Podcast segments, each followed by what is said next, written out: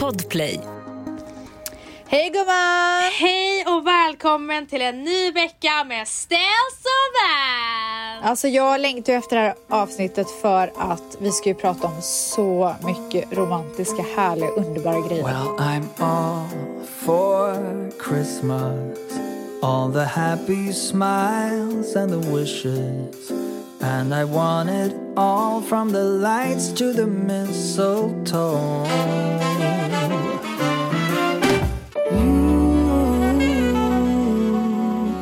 Ja, alltså grejen är så här, vi måste dela upp den här, eh, vi ska dela upp den här podden i tre sektioner tänker jag. Ja, Och sektion ett kommer vara Paradise Hotel. ja, det kommer det. Och jag ber också om ursäkt för att jag låter som en kratta, men jag är så förkyld. Men men, så kan Du, det gå. du låter hes också. Ja. Jag har ju velat podda med dig sen Paradise-finalen. Jag tycker, vet du, jag, så här, jag tycker vi bara och, eh, alltså gå rakt in i Paradise Hotel. Alltså jag, Tycker jag, du jag bryr mig typ inte vad du har gjort den här veckan.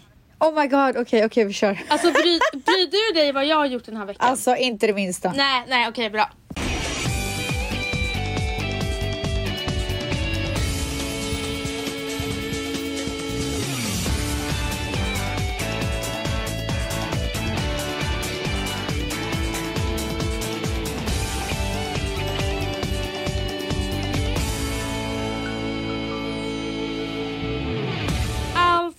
Jag vet liksom inte ens vart jag ska börja och jag hoppas att jag kan få prata typ till punkt innan du så här hoppar in och säger... Okej, men får jag bara säga en Ja. sak först? Börja med att avbryta va? Jaha. Eh, när den här säsongen började, Mm. då sa ju jag till dig att så här, den här säsongen är sjuk. Mm. Jag, bara, jag, jag vet att du inte har trott på mig innan när jag har sagt det och sånt där, men jag kan lova att du kommer älska den här säsongen. Så nu vill jag bara veta. Vad tyckte Ja. du? Nej men alltså, jag älskade den här säsongen för att det var en säsong som jag tror du till och med nämnde det förra året när du spelade in den. Och det var hur stark den här lojaliteten var. Eh, Den här Ja. lojaliteten man aldrig har sett innan. Lojalitet mellan två tjejer, Tanja och Diana, som aldrig har funnits tidigare i andra säsonger lojaliteten som har funnits mellan Sebbe och ehm, vad heter hon, eh, Josie och lojaliteten mellan han och Helen. Eh, och sen så då fram till då eh, parceremonin Diana och Patrik. Jag tycker bara så här. Jag, jag insåg bara så här. lojalitet är så jävla sexigt. alltså det är så jävla sexigt. Ja. Och det var liksom många bra människor i den här säsongen. Jag dog ju för Tanja redan första veckan. Och Alltså det, många, det var många bra karaktärer, mycket starka karaktärer och det har man castat. saknat lite grann. väldigt bra castat. Ja. Eh, man hade kunnat skita i alla veteranerna och bara kört på de nya för att det var de som var så jäkla intressanta. ja. Nej, så att jag är svinnöjd med den här säsongen och att du får lämna på topp. Det är ju fantastiskt. Alltså på topp. Nej men alltså eh, jag eh, har ju liksom velat gå ut och prata. jag var ju nära på att typ ha, göra en så jävla live för att jag behövde få ut mina men känslor. gud, jag, vet inte oj. ens, jag vet inte ens vart jag ska börja. Det känns som att vi är så sena på eh, bollen men folk har verkligen, alltså våra lyssnare har verkligen sagt så här: ni får inte Ja, inte jag vet, prata. de vill verkligen att vi ska prata om det. Ja, så det jag vill säga är så här. Ehm, innan finalen skedde eh, så eh, måste jag säga så här. Alltså, Patriks spel var så fucking brilliant. Nej men alltså, nej, men det, det, det var så, det är så sexigt. Alltså han- han är så jävla bra. Nej men alltså det, det var, det var, nej men det var så här, du är så smart, alltså du är fan smartare. Det är inte ofta man sitter och kollar på Paradise Hotel och tänker du är smartare än vad jag är. Alltså du Nej. vet så. Han tänkte längre än någon annan har gjort måste jag säga. När det var den här, jag kommer inte ihåg vad det var för eh, moment men det var ett moment då att man skulle eh, någon skulle, man röstade ut vem som skulle åka ut och så fick den personen som åkte ut ta med sig någon. Och Niklas åkte ut och så tog han med sig Helen för att fucka upp för Sebbe. Ja. Men, och sen så fick man ju sätta de här, vilka man ville ta med sig ut i såna här äh, krukor eller vad man nu säger. Ja. Nej men då är ju Patrik så fucking briljant. Och så här hotar Fimpen. Bara du, jag kommer lägga Tanja så att du inte väljer mig. Så Fimpen som ville ha ut Patrik vågar inte välja för Patrik för att han bara då åker min partner Tanja ut. Ja, Alltså snälla. Men vet du, vet du vad jag älskat med honom? Det är Mm. att han har behållit lugnet också. Ja, men alltså, Förstår du vad jag menar? Han är så jävla så här cool liksom. Alltså han har varit lugn, han har varit... ja, som sagt, fram till finaldagen så, så tyckte jag att han var... Alltså jag bara, man kan inte vara i det där huset. Det är omöjligt att vara i det där huset och inte göra någon ledsen, sårad eller, Ja. eller fucka upp det på något sätt eller göra något misstag. Det, det går inte. Men jag kände ju som, eh, i, som jag, alltså jag är ju publik, eh, att han Alltså han hade inte gjort någonting. Jag bara, det här är inte möjligt. Han är smart, han är iskall, han är lugn, han är lojal, han är ödmjuk. Han behöver inte göra några beslut ställs. Alltså allting som händer. När har Patrik gjort ett, ett beslut? Alltså en bra spelare gör inte besluten själva utan Nej. de ser till så att andra gör Exakt. besluten. Men Alltså, alltså, jag, jag, förlåt, alltså är det, är det töntigt att jag ryser när jag pratar om Nej det men här? alltså du är så investerad. Ja men alltså jag älskar det! Jag älskar det för att det, jag har aldrig sett en så skicklig spelare i Paradise Hotel. Nej. Och, Och, framförallt så har jag aldrig sett en så snygg spelare i Paradise Hotel. Ja, och snyggare blev han för att han var så fucking jävla brilliant. Exakt. Ja. Eh, men i alla fall, eh, sen så var det ju offerceremonin. Ah. Och eh, där kan jag säga så här, igen, respekt till Patrik. Han var så här, Erika, jag gillar dig som fan, jag kommer satsa stenhårt på dig utanför huset. Men här, där och då kände jag, eh, men här var han så här, här är jag lojal mot dem jag spelar och jag måste tänka smart. Han tänkte så här, jag kommer inte vinna med Erika, jag kommer inte få flest röster med Erika. Ja. Så att jag måste göra det som funkar för mig i det här spelet annars kommer jag ångra mig för tänk om det fuckar upp sig mellan han- och Erika. Nu gjorde det inte Exakt. det. Men tänk Nej. om. Och så Ja. offrade han inte henne. Så att, han in, så att han offrade henne, det var också briljant. Det var också så här, fan vad du är tung. Alltså hur snabbt räckte han upp handen? Men snälla. Alltså jag har aldrig sett någon räcka upp en hand så jag- snabbt. Alltså jag har aldrig sett en rörelse gå så fort. Nej men min fråga är så här. Hade jag stått där som programledare och det där händer. Gjorde du ingen min? Vad skulle jag göra för min? Oj! Typ så. Nej, Backa lite med bakhuvudet så. Eh, nej. Jag tror bara jag var så spänd och intresserad liksom. Men alltså jag hade ju bara, alltså man hade ju sett i mina ögon typ såhär. Men snälla vet du hur snabbt det gick? Alltså hur skulle jag, han hann ju inte ens blinka. Ja men när du står där och tittar på dem, blir inte du så här pirrig i magen så du bara oh my god what's happening? Ja! Ja men det hade ju synts på mig. Aha. Men jag är ett proffs vet du. Det är också därför jag inte är en programledare. Alltså det var någon, jag skrev eh, eh, Paradise Hotel på Instagram. Mm. Gjorde en så här hejdå post om mig typ för att jag lämnar ju. Och då skrev jag så här tack, eh, jag har haft så kul eller du vet något sånt där. Så var det någon som bara om du har haft så kul varför har det inte synts då? Eller du vet något sånt där. Var Alltså, varför har du varit så sur då? Alltså varför har alla så mycket problem att jag inte är check och glad där inne? Det är liksom inte min roll. Nej, jag alltså ska inte vara det. nej. Exakt, alltså vissa roller, vissa programledare, då är det den här checka rollen liksom som Tilde, Tilde de Paula och så på eh, Efter fem med de som är i Nyhetsmorgon. Men den där, Ja. där ska ju du vara så här seriös. Ja. Alltså jag vet inte vad det är liksom. Alltså det, det är liksom det är det, det är det jag är anställd för att göra. Gå in, vara dramatisk, leverera nyheter och dra. Okej, men du. Ja. Vad tänkte du när han räckte upp sådär snabbt? Tänkte du typ så här, du är så. Ja, ja, ja, ja, ja, ja, ja, ja. Men sen började han gråta och då kände jag att nej. Nu vet jag. inte. ja. och vad händer då? Han offrar sin kärlek. Erika. Ja.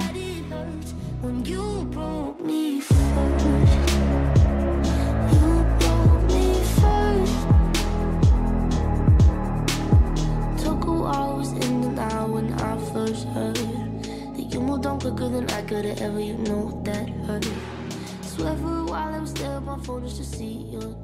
Det är såklart jättefint, men ska man göra det så ska man väl göra det känner jag lite grann. Att han började gråta. Ja, men så här, offra och bara offra då liksom.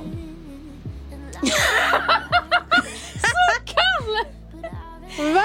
Nej men, jag, han, nej men han började ju gråta för att han bara, jag sårar någon jag tycker om. Men hon räckte också upp handen. Ja men hon, Hon kände försökte sig ju gå snabbare illa. än honom. Ja men lyssna, hon kände sig illa tvungen typ. Hon ville inte det egentligen.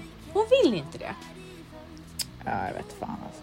Hon är också en skicklig spelare. Hon lät också alla andra göra hennes, alltså Erika, lät också Ja. all, göra alla hennes beslut. Alltså jag måste Eh, bara säga att jag eh, tycker det är så kul att de två är ihop nu.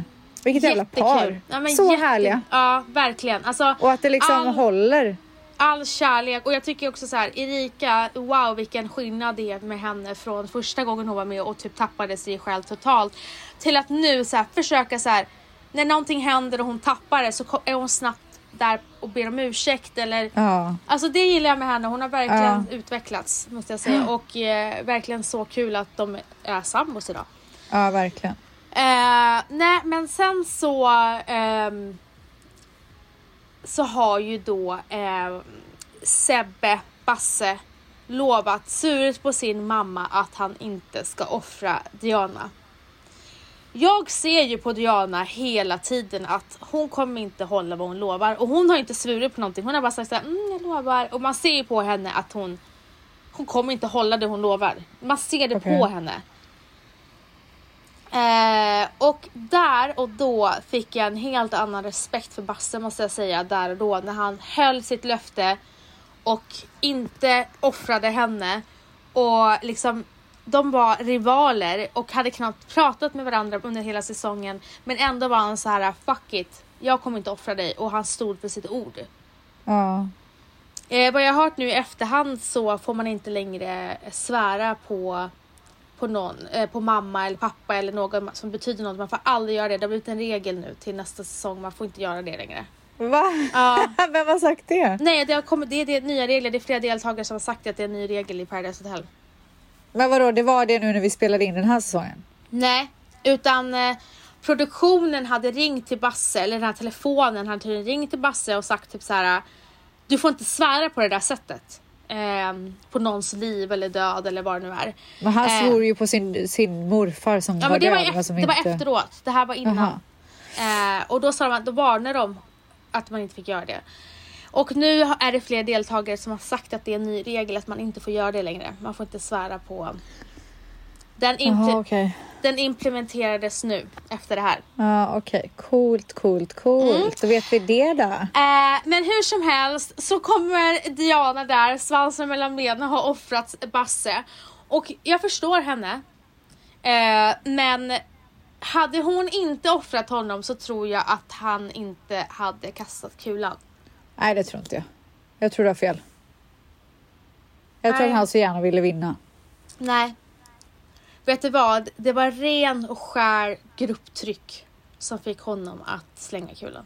Ja, men då hade det varit grupptugg eh, efteråt också. Ja, men det, ja, absolut, men jag tror att det hade varit starkare för honom att eh, det hade varit starkare för honom att inte göra det, att inte falla för grupptrycket om han visste att Diana inte skulle liksom kasta kulan. Ja, jag vet inte. Men jag tror i alla fall att han hade kastat kulan oavsett. Tror du det? På grund av grupptryck? Nej, men jag tror bara att han på riktigt ville vinna.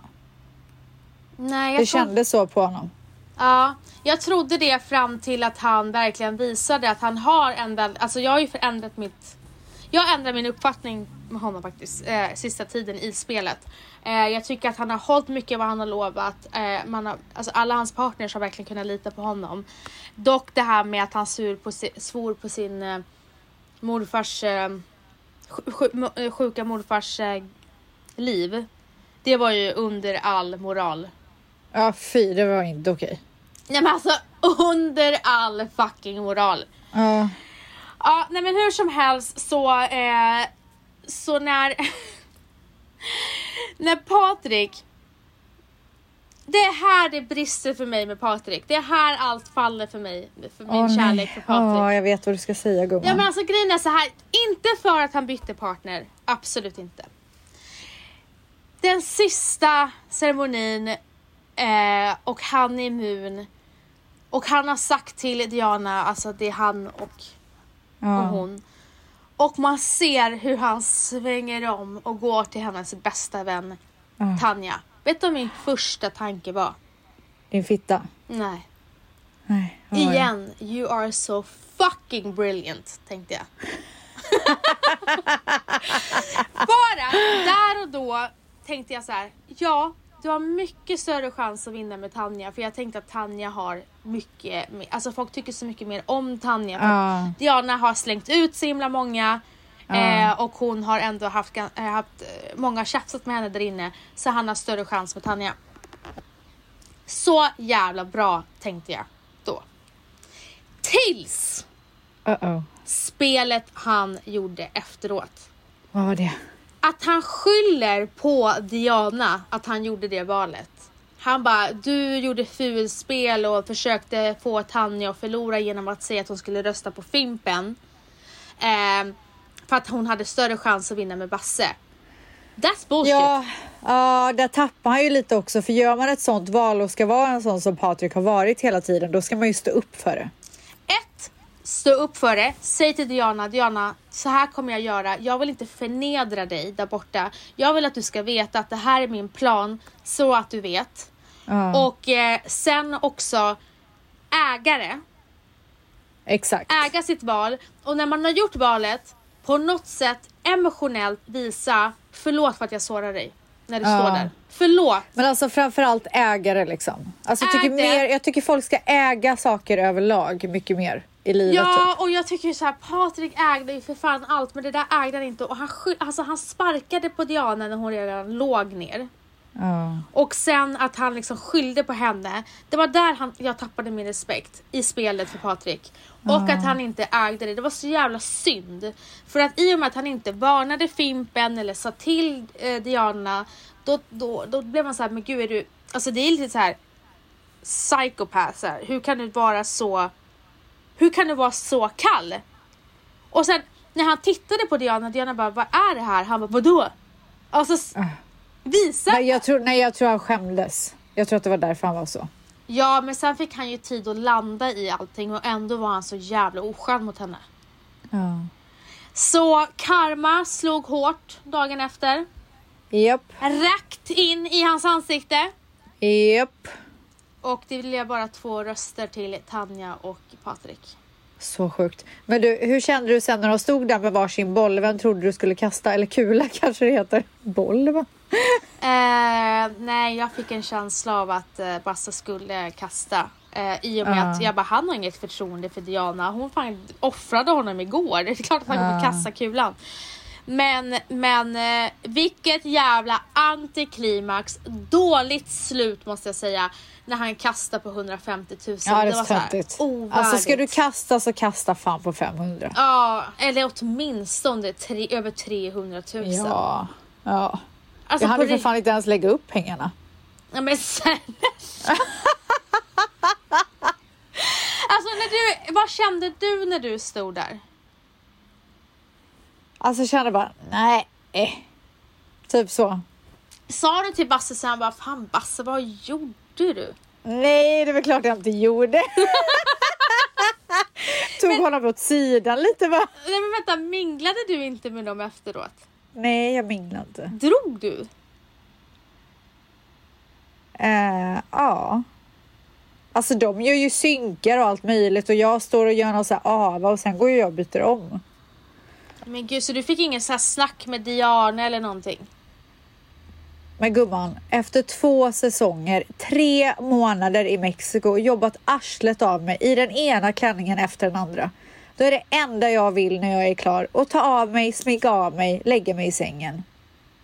Och säga hej då och godnatt gud, jag som vill ha lite juice för hur de kände direkt efteråt. Men jag vet i alla fall så här. jag vet Basse, jag vet att du lyssnar. Jag skojar bara. Nej men gud! Well, I'm all for Christmas. All the happy smiles and the wishes. And I want it all from the lights to the mistletoe.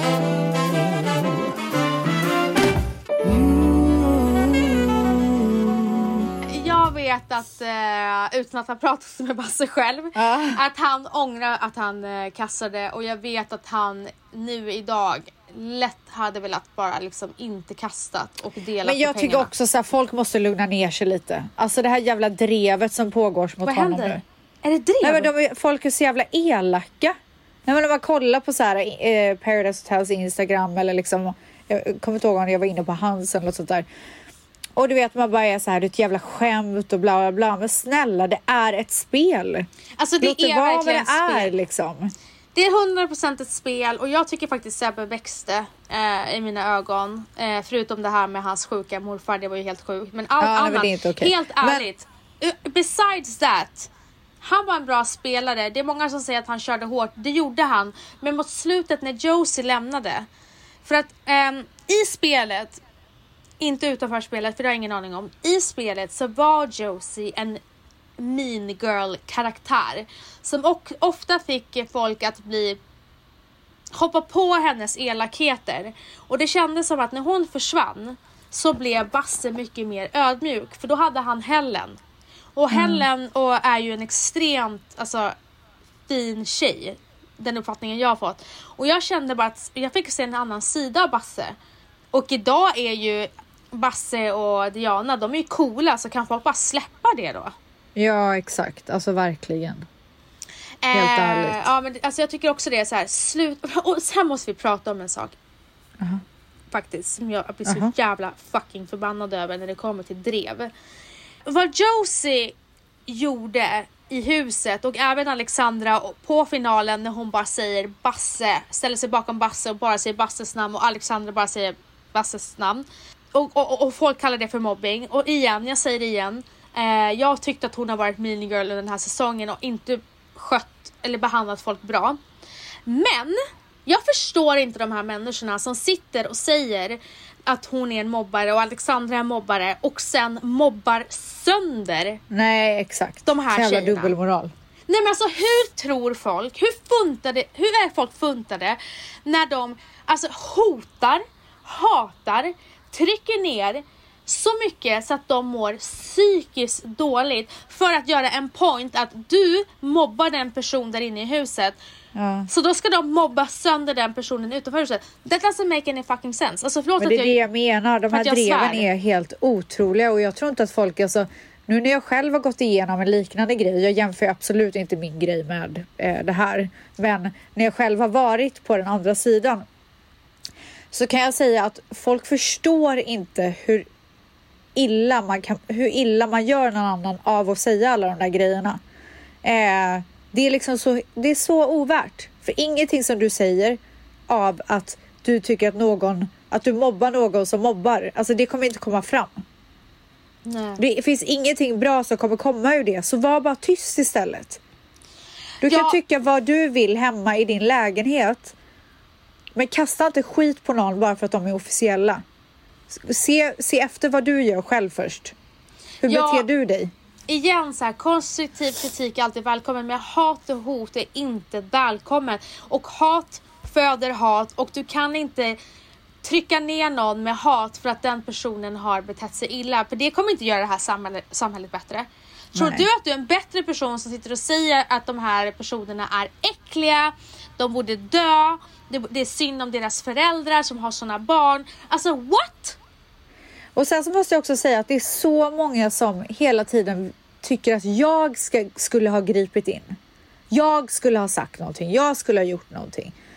Och när jag står på en parceremoni eller framför allt en avslutningsceremoni, så här, sista dagen i Paradise Hotel och en deltagare väljer att gå fram och sä- säga ett av namnen på ett par då kan inte jag säga någonting om det. Jag kan inte säga, eh, du, du sa inte eh, Dianas namn. Varför gjorde du inte det? Det är inte mitt jobb att göra det. Om hon väljer att gå till någon för att hon gillar en av två, då är det hennes val. Ja, det är som sagt väldigt mycket åsikter och eh, i spelet så har eh, eh, vissa verkligen betett sig riktigt illa och man ska aldrig minska någon annans eh, känslor.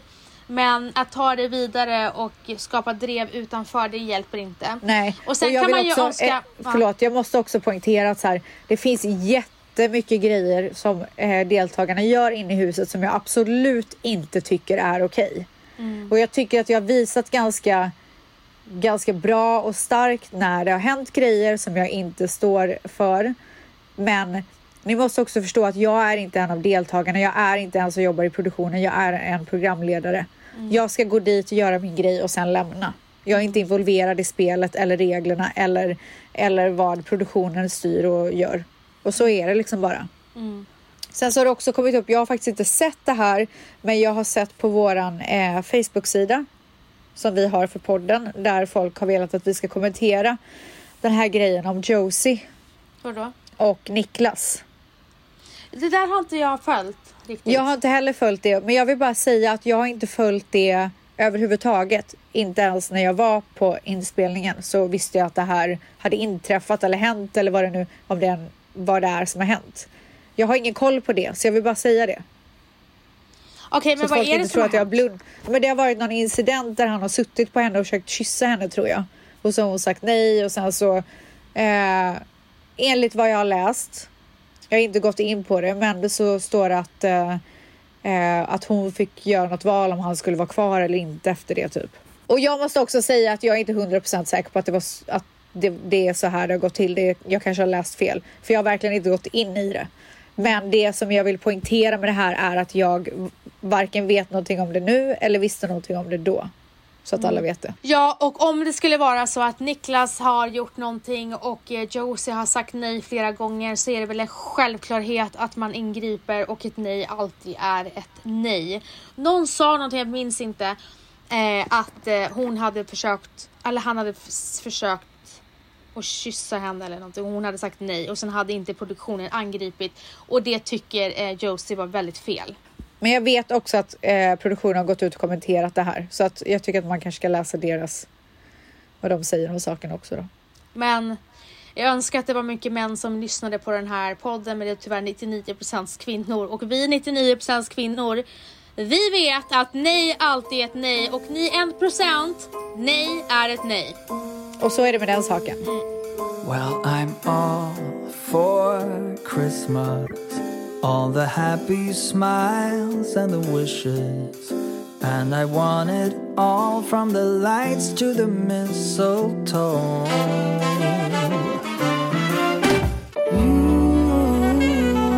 Men du, en, en, någonting annat som jag tycker är så himla tråkigt. Det är ju att, jag tänker inte gå in på vad, alltså jag har ingen aning, jag tänker inte gå in på det men jag bara säger det. Jag tycker det är så himla tråkigt att Diana och Tanja inte är vänner idag. Ja, varför är de inte det då? Det är det jag inte vet. Alltså det har varit något så här, ha, någon, jag vet faktiskt inte men det har någonting att göra med att eh, Diana inte känner att eh, Tanja har backat upp henne. Alltså utanför huset eller i huset när hon har kollat på det efter. Antingen i eller utanför, antar utanför för att eh, Tanja backade ju verkligen upp henne innanför huset. Ja. Eh, och eh, så har det blivit att de inte är vänner idag och jag tycker det är så tråkigt för att de hade någonting fint. Men de hittar säkert tillbaka till varandra. Inte enligt Tanja. Asså, Eh, hon fick frågan. hon stängt dörren? Mm. Oj. Eh, hon fick frågan av eh, Studio Paradise, kommer ni eh, bli vänner igen? Och då, hade, då sa Tanja nej. Oj. Mm. Jösses vad hårt. Ja, ja. Men vi vet ju inte vad som har hänt. Nej, så tråkigt. Ja, nej, så att jag säger bara så här, äh, kära eh, offentliga personer och jag säger det här till mig själv också för att eh, jag kanske kommer göra det i framtiden, vilket vi inte ska. Har ni tjafs med människor ni tycker om, ta det inte offentligt. Nej. Prata privat med varandra. För att det blir Gud. såna drev och hatstormar så fort ni ska sitta och Ja men den här har gjort det och den har gjort det för då, då driver ni ju hatet mellan varandra och bara sluta med det. Vilka menar du förresten? ja men det här med det, tjafset mellan Diana och Ja. eh, Tanja har ju varit offentligt. Tjafset mellan eh, ut, mycket av Josie, Josie och Diana är inte vänner så att det är en annan sak. Eh, men, men jag menar bara allmänt. Man ser, det här, jag menar inte bara Paradise Hotel, jag menar allmänt så här. Har du problem med någon, eh, skriv det till den här personen så kanske ni kan lösa det. Ja, men du menar inte Josie och Niklas vill jag också bara understryka. Absolut inte, nu menar Nej. jag allmänt. Alltså Ja. ett allmänt råd till eh, influencers, offentliga personer men även privatpersoner. För det kan ju gälla i skolor också att man börjar tjafsa med varandra på sociala medier. Ja, gud vad bra att du fick in ett litet tips där gumman. Take it private darling. Min eh, eh, partner på Kaja, Jeps, eh, sa till mig en gång. Hylla i stora rum, kritisera i enrum. Ja, Nu rös jag. herregud. Jättebra gumman. Åh. Ah, ja, tack för den här säsongen ställs och tack för dig. Alltså verkligen tack för mig. Nu tackar jag verkligen för mig. Mm. Tack och hej liksom. Och lycka till det. Nicole. Ja, verkligen. Stort lycka till till Paradise Hotels nya programledare Nicole Falciani.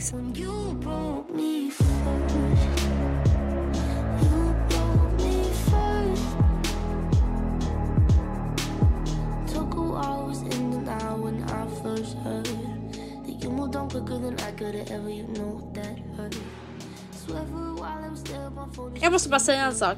Eh, till alla er som lyssnar.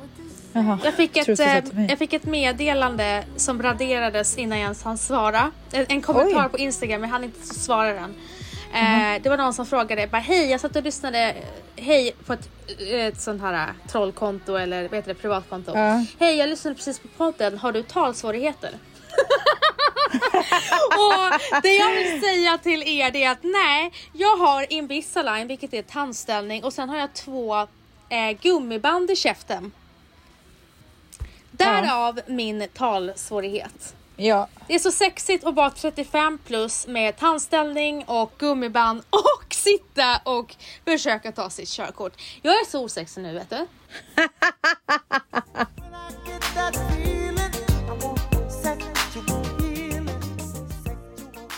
Okej Ställs, eh, vi kommer inte, vi skulle ju bjussa på lite så här extra om, eh, vet du vad jag kommer på en sak, förlåt, alltså jag kommer på att jag skriker jättemycket.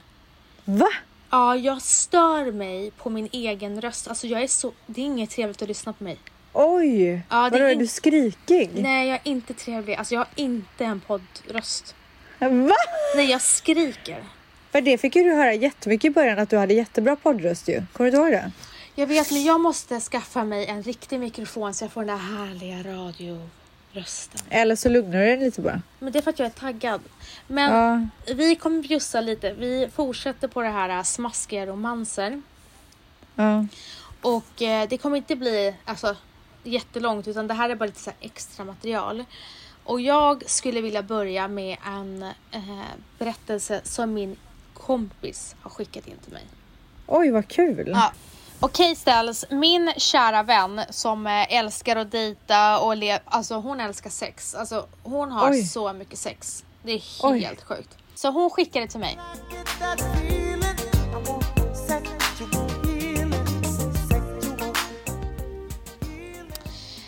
Jag hade bestämt mig för att jag varken skulle dejta eller ligga på ett bra tag. Sagt och gjort, i alla fall i några dagar. alltså, I några dagar. Hon älskar sex. Ja. Det som ständigt ekade i mitt huvud dessa få dagar var att, mina, var att min omgivning tjatade om att jag skulle leva. Vad fan är och leva då, tänkte jag. Plötsligt dyker en man upp out of the blue en dag och jag tänkte nu fan ska jag leva. Vad det nu innebar. Det var vår första träff och han kör upp på min uppfart med min drömbil, en Aventor. Alltså jag har ingen koll på bilar. Har du koll på Inte bilar? jag heller. Vad Hon- fan är det liksom? Hon älskar bilar. Ja. Ut kliver universums... Ut kliver universums typ kortaste man. Jag trodde hon skulle skriva snyggaste Jag man. trodde också det. Hur har jag kunnat missa att han är typ 1,50? Tur att han hade humor och bra självförtroende. Bilen fick kompensera hans längd och agera kukförlängare. I samma sekund gick mina tankar i 300 och jag påminner mig själv om att jag ska leva. En sån här man måste ju helt enkelt vara förskräckligt bra i sängen. Samma kväll hade vi ett helt sjukt förspel. Dagen efter ville han ses igen och jag skyllde på halsont och hänvisning till pandemin. Han insisterade trots att jag bestämt sa att jag var dålig. Två timmar senare ringde det på dörren och där står Mr Shorty med ett brett leende på läpparna och där stod jag med håret åt alla håll. Han sliter av mig kläderna, lyfter mig och kastar mig i soffan. Någon sekund senare kändes det som att hela min värld bara stannade till. Tills han skrek. Vad fan händer tänker jag? Är det en björn mitt i, i mitt hem? Alltså han stönar som en björn. Nej men gud. Nej men gud. Hon har sagt till mig typ. Nej men gud. Nej men gud. Jag kommer tillbaka och ser typ en halv liter saliv rinna ner i mitt ansikte och på min kropp och jag, det var, det var helt klart inte en björn. Vad fan, det var fan han som väckte hela grannskapet till liv och fick mina grannar att tro att något hade hänt här hemma. Jag hör hur någon springer runt i min altan, sliter upp dörren och ropar mitt namn. Jag kastar mig ner för soffan i chock och panik. Hela jag luktar hans äckliga saliv. Och där Ja, men står... fan vad äckligt, jag spyr. Och där står Mr Shorty naken skrattandes och en granne i mega chock. Gissa vem som chockades som mest och hur jag känner mig när jag numera möter mina grannar. Så att han hade alltså skrikit som en björn och att det hade runnit saliv ner på hennes kropp så att, Och jag spyr, alltså jag spyr, jag spyr, så spyr, spyr, grannarna spyr. trodde att hon alltså var illa därän. Alltså jag säger så. spyr. Men du, fantastiska grannar. Oh, Alltså vilket, vad heter det, civilkurage. grannsämja. Oh, Alltså gud, som ja. bara, nu ska jag komma och rädda henne. Åh herregud, vad var det för äcklig snubbe? Det är det äckligaste jag har hört.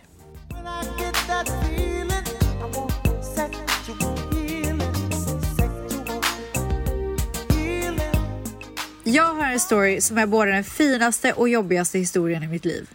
Ta det från början. Jag och min kille hade varit tillsammans i tio år och var verkligen bästa vänner. Vi bodde i en lägenhet och hade i flera år sökt vår drömbostadsrätt. Vi var cirka fem minuter från att köpa en innan livet vändes upp och ner. Som många andra träffade jag min nuvarande partner på jobbet. Jag hade aldrig tittat åt hans håll och kände honom inte. Vi jobbade på helt olika avdelningar och träffades bara i fikarummet då och då. Jag visste vem han var, men vi snackade i stort sett aldrig. På fredag var jag, min kille och några vänner på en AV i stan. Plötsligt kliver min jobbarkompis in, alltså min nuvarande sambo, och vi vinkar åt varandra. Han sätter sig vid ett annat bord med sina polare och jag och mitt gäng fortsätter hänga vid vårt. Efter några timmar ser jag att min jobbarkompis går till baren och samtidigt säger min kille att han vill ha en öl. Jag passar då på att presentera killarna för varandra och de tar en öl ihop medan jag går tillbaka till mina kompisar. Lite sjukt, men hade inte min kille velat gå till baren exakt den sekunden hade mitt liv sett väldigt annorlunda ut idag. Hur som helst. Min jobbarkompis vänner började klä sig för att dra vidare, men han väljer att stanna kvar vid vårt bord och ta några fler öl tillsammans med oss. Detta är i stort sett första gången vi pratar och vi har otroligt trevligt. En trubadur börjar spela och min jobbarkompis drar upp mig på det icke befintliga dansgolvet och vi drar av en fyllebugg. Obs! Det var absolut ingen annan som dansade och vi hade så jävla roligt. Min sambo gillar inte att dansa så att jag så att, att jag fyllebuggar med andra killar är inget ovanligt. Då slipper han. Win-win. Alltså parentes. Vad hade Valle gjort om du hade gått upp och buggat med en, med en kille som, som han aldrig har pratat med? Som jag aldrig hade pratat med. Ja men typ din jobbarkompis som du så här är knappt är bekant med. Och du hade svängt av en liten fyllebugg typ. Då hade han nog ryckt tillbaka mig. Rakt ner i stolen. Alltså fy fan vad roligt. Timmarna går och vi har alla en trevlig kväll ihop. Jag och min sambo går hem och där börjar livet sakta men säkert förändras för mig. Morgonen efter har jag nämligen en ny känsla i magen. En känsla jag aldrig tidigare känt. Börjar jag känna något för min jobbarkompis? Jag och sambo ska ju köpa bostadsrätt, vi ska skaffa barn, bilda familj och rota oss och jag börjar tvivla. Vilken panik. Veckorna och månaderna som följer på jobbet är det sjukaste jag varit med om. Aldrig tidigare har väl jag känt mig pirrig inför att gå till jobbet. Plötsligt känns det extra roligt att välja kläder, att säga rätt saker i fikarummet och att få hans uppmärksamhet. Jag såg till att kika genom dörrspringan från mitt kontor för att liksom tamma in när han kom gåendes mot fikarummet för att plötsligt gå ut precis då. Jag såg till att mina möten absolut inte drog ut på tiden så att fikarasterna inte missades. Efter några månader insåg jag att detta inte var hållbart. Även om jag inte visste om känslorna var besvarade kändes det fel mot min sambo. Vill förtydliga att jag inte gjorde något med min jobbarkompis innan det tog slut med min sambo. Oskyldigt flörtande helt enkelt. Trots det började det dåliga samvetet smyga sig på. Jag beslutade mig för att flytta isär från min sambo som blev totalt chockad och förstörd. Jag insåg att känslorna inte fanns där. Han hade blivit min bästa vän helt enkelt. Det beslutet är det absolut svåraste och värsta jag varit med om i mitt liv. Efter det följde månader av grov ångest och dåligt samvete. Att jag förstört min sambos liv, att han mådde piss, att jag var en fruktansvärd människa. Jag vet att alternativet att leva med min bästa vän utan kärlekskänslor inte heller var hållbart, men där och då förstod jag inte det. Min enda önskan i cirka ett års tid var att min sambo skulle hitta en ny kärlek och gå vidare. Först då skulle jag kunna andas igen och gå vidare på riktigt jag också. Mitt i denna djupa ångest började jag och jobbarkompisen skriva lite. Plötsligt gick det väldigt snabbt då jag nu var singel och allt var liksom godkänt. Vi började träffas på fester och första gången vi gjorde det, alltså efter uppbrottet, var vi båda så sugna på varandra att vi sprang från dansgolvet, lades på ett biljardbord och började hångla loss. Bästa hånglet jag varit med om. Vi åkte hem tillsammans och låg och snackade precis hela natten. Och ja, vi pillade väl lite på varandra också, men framförallt samtalade. Herregud vilken man. Men eftersom det precis tagit slut med min dåvarande sambo ville jag att vår relation skulle hållas hemlig precis från alla. Därför blev jobbdagarna riktigt spännande. Vi spenderade varje natt ihop men tog såklart varsin bild till jobbet varje morgon. Hälsade tyst och nonchalant på varandra i fikarummet. En gång smög han upp bakom mig medan jag hämtade kaffe. Han viskade hej i mitt öra och smekte mig på ryggen ner mot rumpan. Men snälla, hur mycket pirrade det till då liksom? Yoghurten jag höll i flög åt helvete för att jag blev så rädd, sugen och förväntansfull på samma gång. Lunchrasterna var svåra. Eftersom vi basically bodde ihop hade vi ju samma matlåda. Inte kunde vi ju låta arbetskompisarna se att vi åt exakt samma köttgryta eller kycklingsallad. Jag försökte äta min matlåda med locket halvt på medan min jobbarkompis kastade i sig sin mat på tre sekunder. Inte hållbart, men vi tyckte vi var så diskreta. Flera år senare har vi fått reda på att alla visste om det. Snacka Oh, om fel. Ja. Vissa lunchraster åkte vi hem till varandra, givetvis i olika bilar och han med en liten snabbis. Det var så pirrigt att sen möta oss på jobbet framför våra kollegor och tänka jaha, han och jag hade världens bästa sex för typ 10 minuter sedan. Nu dricker vi kaffe med ovetandes kollegor. Han berättade efter några månader att han alltid smygtittar på mig men såklart inte gjort något eftersom att han visste att jag hade kille och att vi skulle köpa bostadsrätt. Han berättade att han ofta lyssnade när jag kom gående i korridorerna då jag ofta bar klackar. Han älskade det ljudet och efter det bar jag klacka dagligen och gick ofta förbi hans kontor bara för att tisa honom. Till slut blev vårt förhållande offentligt. Min dåvarande sambo skaffade ny tjej och vad jag vet lycklig. Men vet ni? Jag är också lycklig. För idag bor vi i hus och har precis fått en helt underbar dotter. Och ja, både hånglet och sexet är fortfarande det sjukaste jag har varit med om. Oh my god. Alltså jag dör. Ja. Vi hade en tuff start med mycket ångest från mitt håll. Att han stod pall då när jag grät mig till sömns i månader, var deprimerad och hade dåligt samvete. Det är något jag är så tacksam för. Jag kommer alltid att älska honom för det. Rekommenderar verkligen att dejta någon på jobbet. Fy fan vad dagarna var fyllda med pirr. Bästa känslan ju. Shit. Alltså, så fint! Ja, verkligen.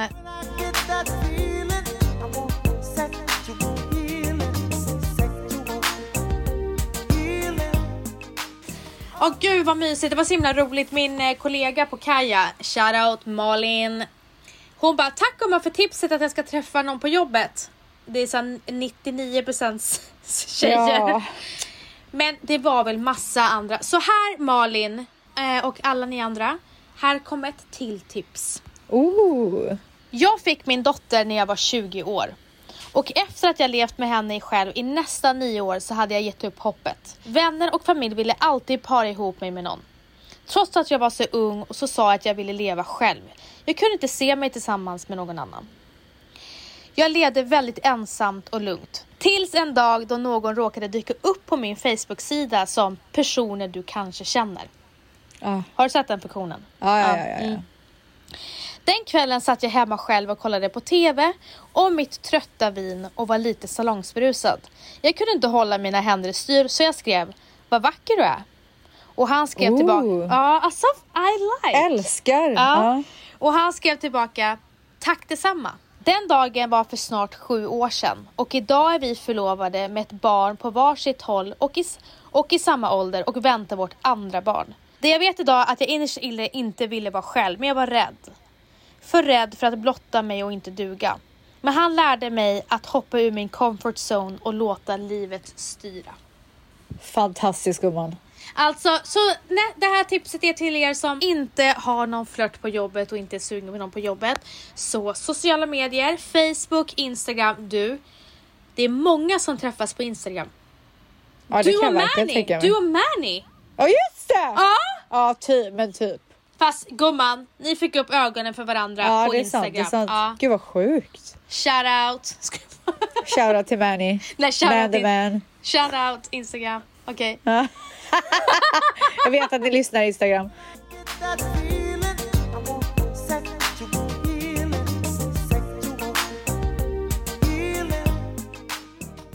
Bestämde mig för att flytta till USA för två och ett halvt år sedan. Pausade mitt ena företag här i Sverige och åkte till USA. Min dröm gick i uppfyllelse och jag var så stolt över mig själv.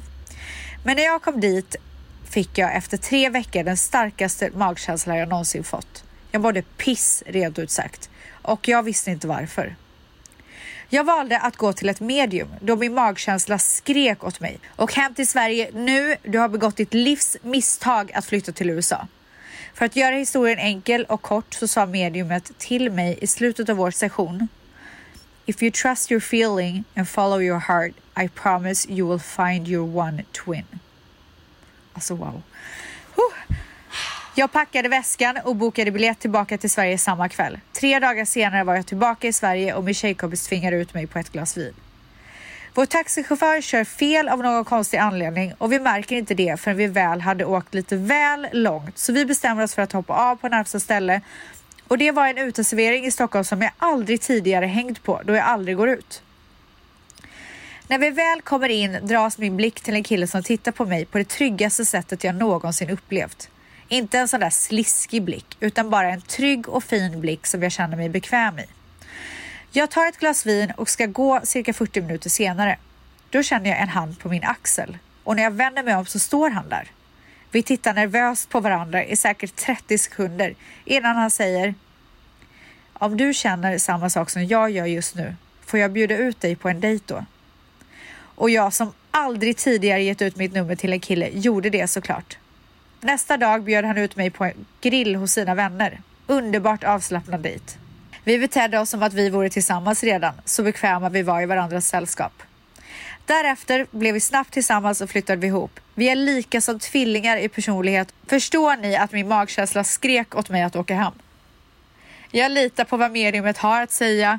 Taxichauffören kör fel och jag träffar min drömman. Alltså ödet säger jag bara.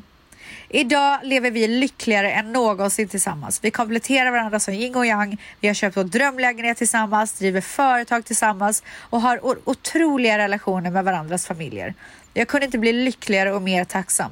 Jag har alltid trott på ödet och här är mitt bevis. Och denna historien kommer från mig som aldrig trodde att jag skulle möta den rätta då jag är extremt kräsen och bara mött extremt dåliga killar.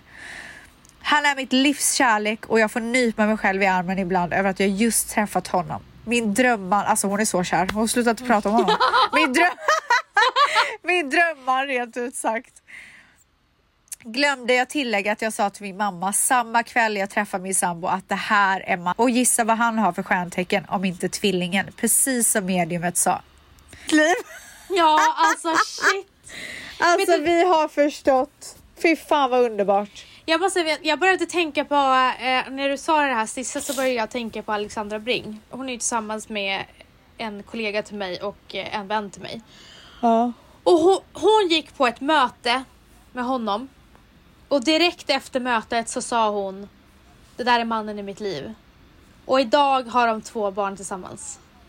Alltså det är så sjukt. Alltså det är så fint! Och grejen var att när jag Ja. träffade hennes kille så var han så stängd. Och det var så, jag, så fort man pratade om kärlek, han bara jag har inte tid med det, jag har inte tid med det. Jag, han var bara såhär work, work, work, så här, verkligen work mode. Ja. De var oskiljaktiga från det mötet typ.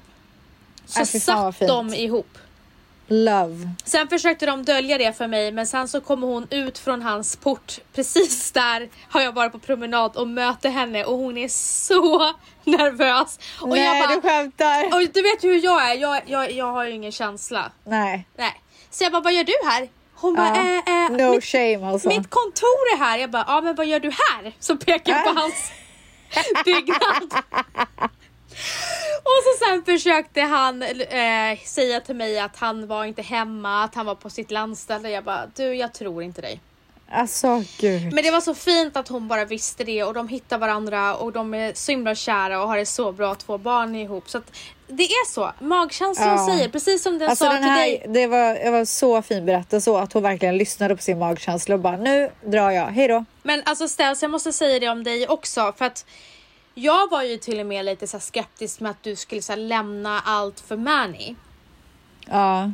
Och jag var så ska du verkligen göra det här? Och du vet, är det verkligen rätt? Och du vet, nej, kan du lita på honom? Och du sket ju i vad jag sa och jag var ju bara så, jag var ju, jag är en overprotective vän. Alltså jag är verkligen Ja, det, jag har alltid ja. varit det. Eh, och du följde din magkänsla. Och den var rätt. Men vi hade ju inte det heller aslätt i början jag och Manny. Nej, men du följde din magkänsla ändå. Ja, exakt.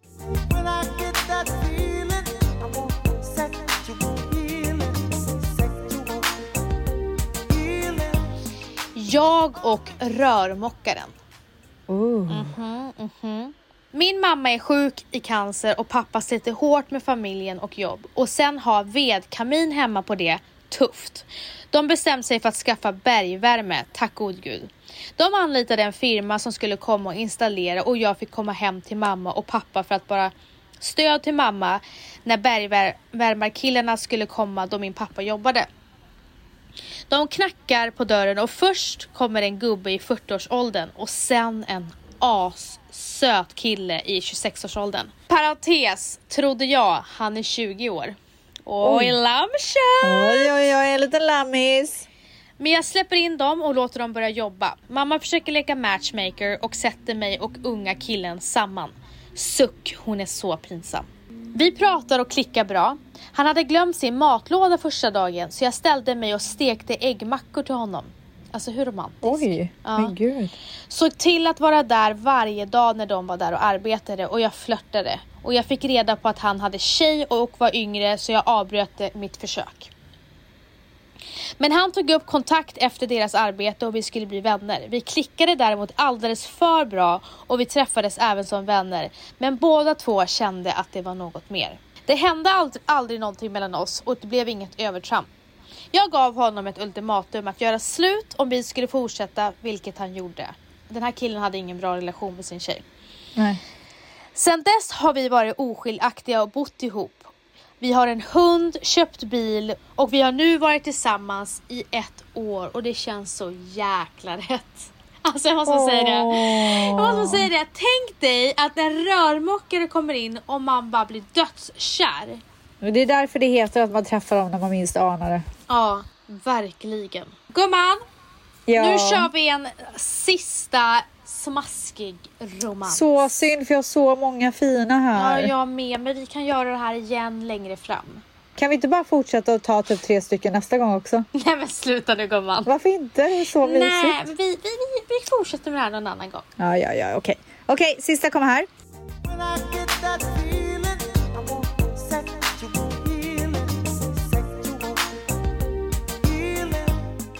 För fem år sedan var jag färdig sjuksköterska. Jag hade studerat på min egna trötta lilla hemort och var rimligt trött på den. Singel var jag också. Så jag hade bestämt mig för att flytta till Norge inom ett år. Cirka ett halvår före jag skulle flytta var jag ute på krogen i min hemstad och möter en kille som utbrister när han ser mig. Nämen, här kommer kvinnan i mitt liv! Haha, vilken kommentar tänkte jag. Vi började dejta och jag tänkte att det nog inte skulle bli något seriöst. Jag skulle ändå flytta snart och han var dessutom flera år yngre. Gud, de gillar verkligen lammkött våra tvättsar. Alltså alla gillar lammkött gumman. Jag kände att jag inte ville lämna honom.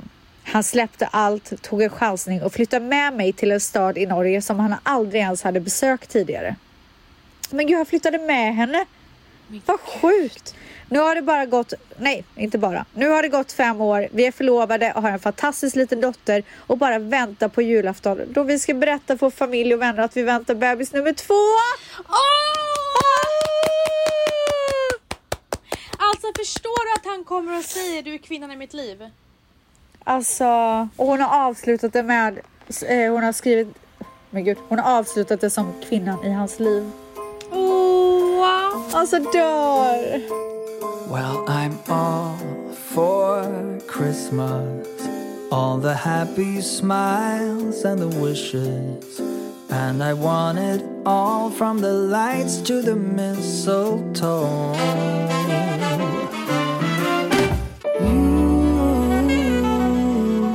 Men det här har varit så himla mysigt. Ehm, det är så himla sjukt ställs. Nästa vecka är det julafton.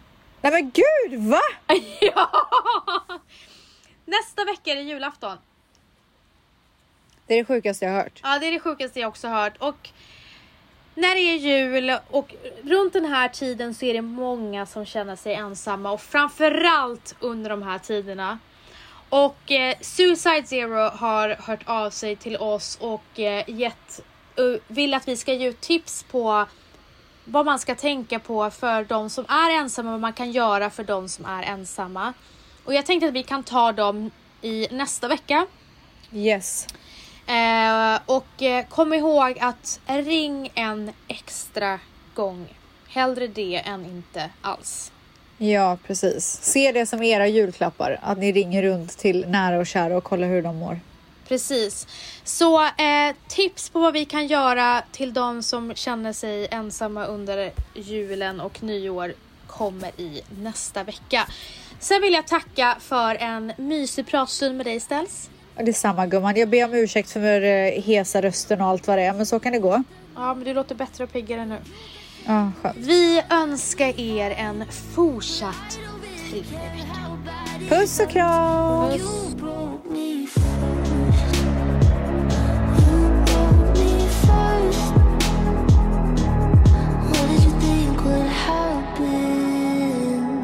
What did you think would happen?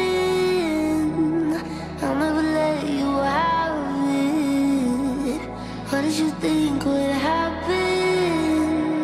Suddenly you're asking for it back. Could you tell me where'd you get the nerve? Yeah, you could say you miss all that we had, but I don't really care how bad it hurts when you broke